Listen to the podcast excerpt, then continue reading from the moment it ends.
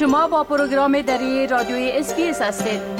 گزارشات عالی را در sbs.com.au دری پیدا کنید. شنونده های عزیز حال همکار ما سام انوری درباره موضوعاتی که در این هفته رخ داده حوادثی که رخ داده و در وبسایت ما هم به نشر رسیده معلومات میده در وبسایت رادیوی SB به زبان دری با آدرس sbs.com.au دری هر روز مطالب بسیار جالب و دانستنی درباره موضوعات گوناگون به نشر می‌رسه آقای انوری سلام عرض می کنم خب اولتر از همه اگر به صورت عموم بگوین که چی حوادثی در ای هفته رخ داده که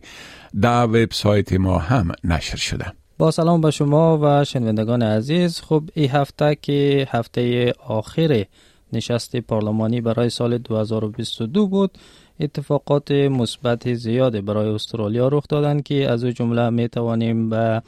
تصویب قوانین کمیسیون مبارزه با فساد فدرال و روابط صنعتی و همچنین برد تاریخی تیم ملی فوتبال استرالیا اشاره کنیم. در آخر هفته گذشته هم انتخابات ایالتی ویکتوریا را داشتیم که به شکست سنگین ائتلاف لیبرال ملی و بازگشت حزب کارگر به قدرت منجر شد. در این انتخابات رهبر حزب لیبرال متیو گای برای دومین بار از آقای دانیال اندروز شکست خورد و مجبور شد دوباره از سمت رهبری استعفا کنه. در سطح فدرال حکومت کارگر تانست که دو قانون بسیار مهم را که از وعده های کلیدی ای حزب در انتخابات گذشته بود به تصویب برسانه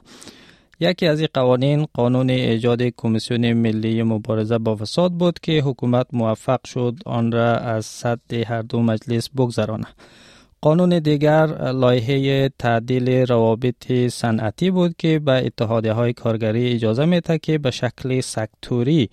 با کارفرمایان بر سر حقوق و شرایط کاری کارگران چانه کنند. در نهایت روز پنجشنبه مجلس فدرال به لغو قانون رای داد که قلمروهای استرالیا را از قانونی سازی مرگ خودخواسته یا مرگ آسان منع می کرد.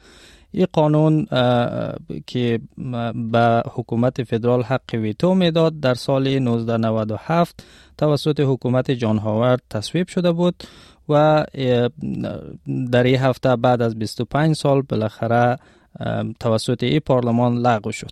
همچنین در این هفته گزارش تحقیقات رسمی در مورد وزارت های مخفی نخست وزیر پیشین اسکات موریسون منتشر شد که به این نتیجه رسیده بود که خود انتصابی های مخفیانه آقای موریسون در پنج وزارت منجر به تضعیف دموکراسی و اعتماد عمومی به حکومت شده بود. در پی انتشار گزارش آقای موریسون رسما از طرف مجلس فدرال محکوم گردید این هفته تیم ملی فوتبال استرالیا یا ساکروها در آخر انددار گروهی خود به مساف دانمارک رفت و با پیروزی یک بر صفر به مرحله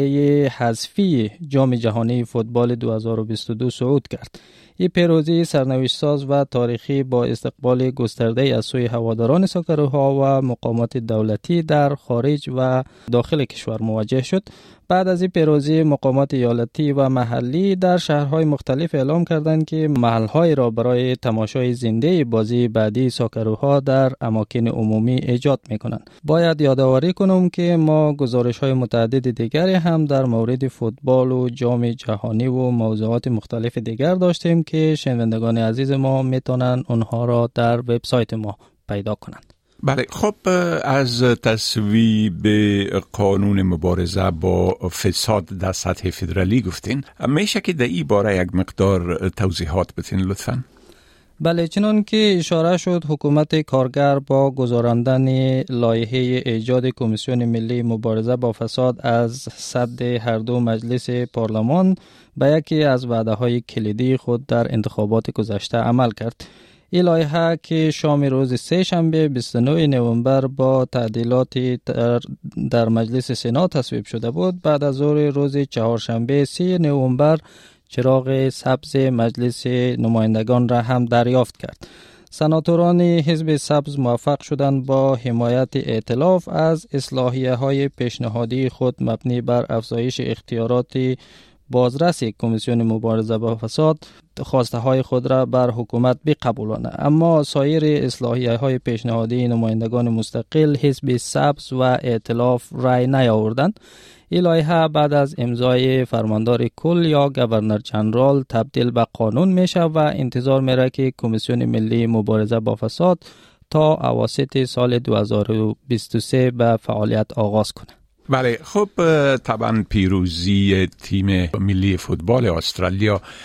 یک عالم شور و غوغا و هیجان ایجاد کرده و شما گفتین که مقامات ایالتی تصمیم گرفتن که بعضی از محلات عمومی را برای تماشای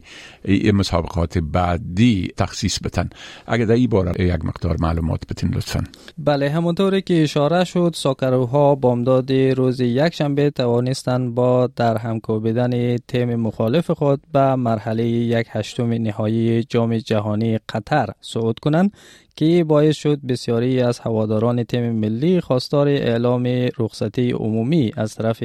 دولت مرکزی شوند. حدود 8000 نفر برای تماشای بازی بر روی screen بزرگ میدان Federation ملبورن جمع شده بودند که این امر باعث شد مقامات ایالتی و محلی یا شوراهای شهر در شهرهای سیدنی، ملبورن، بریزبین، ادلاید و کانبرا اعلام کنند که محلهای را برای تماشای زنده بازی بعدی Socceroo ها مقابل آرژانتین ایجاد می کنند. در سیدنی محلهای با screen های بزرگ در Tumbalong Park واقع در Darling Harbour، Beaman Park واقع در ناحیه Earlwood، در جنوب غرب سیدنی Macquarie Mall در لیورپول و Enmore Park در ماریکویل ایجاد میشن. ساکنان بریزبین هم می‌تونند به میدان King George و Queen Street Mall برند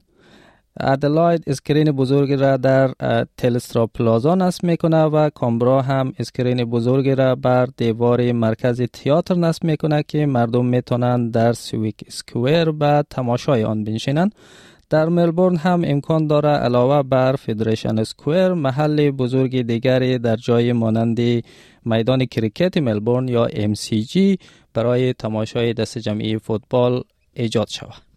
بله خب آقای انوری بسیار تشکر از این معلوماتتان و فعلا شما را به خدا می سپارم و روز خوش برتان آرزو می کنم تشکر از شما خدا نگهدار.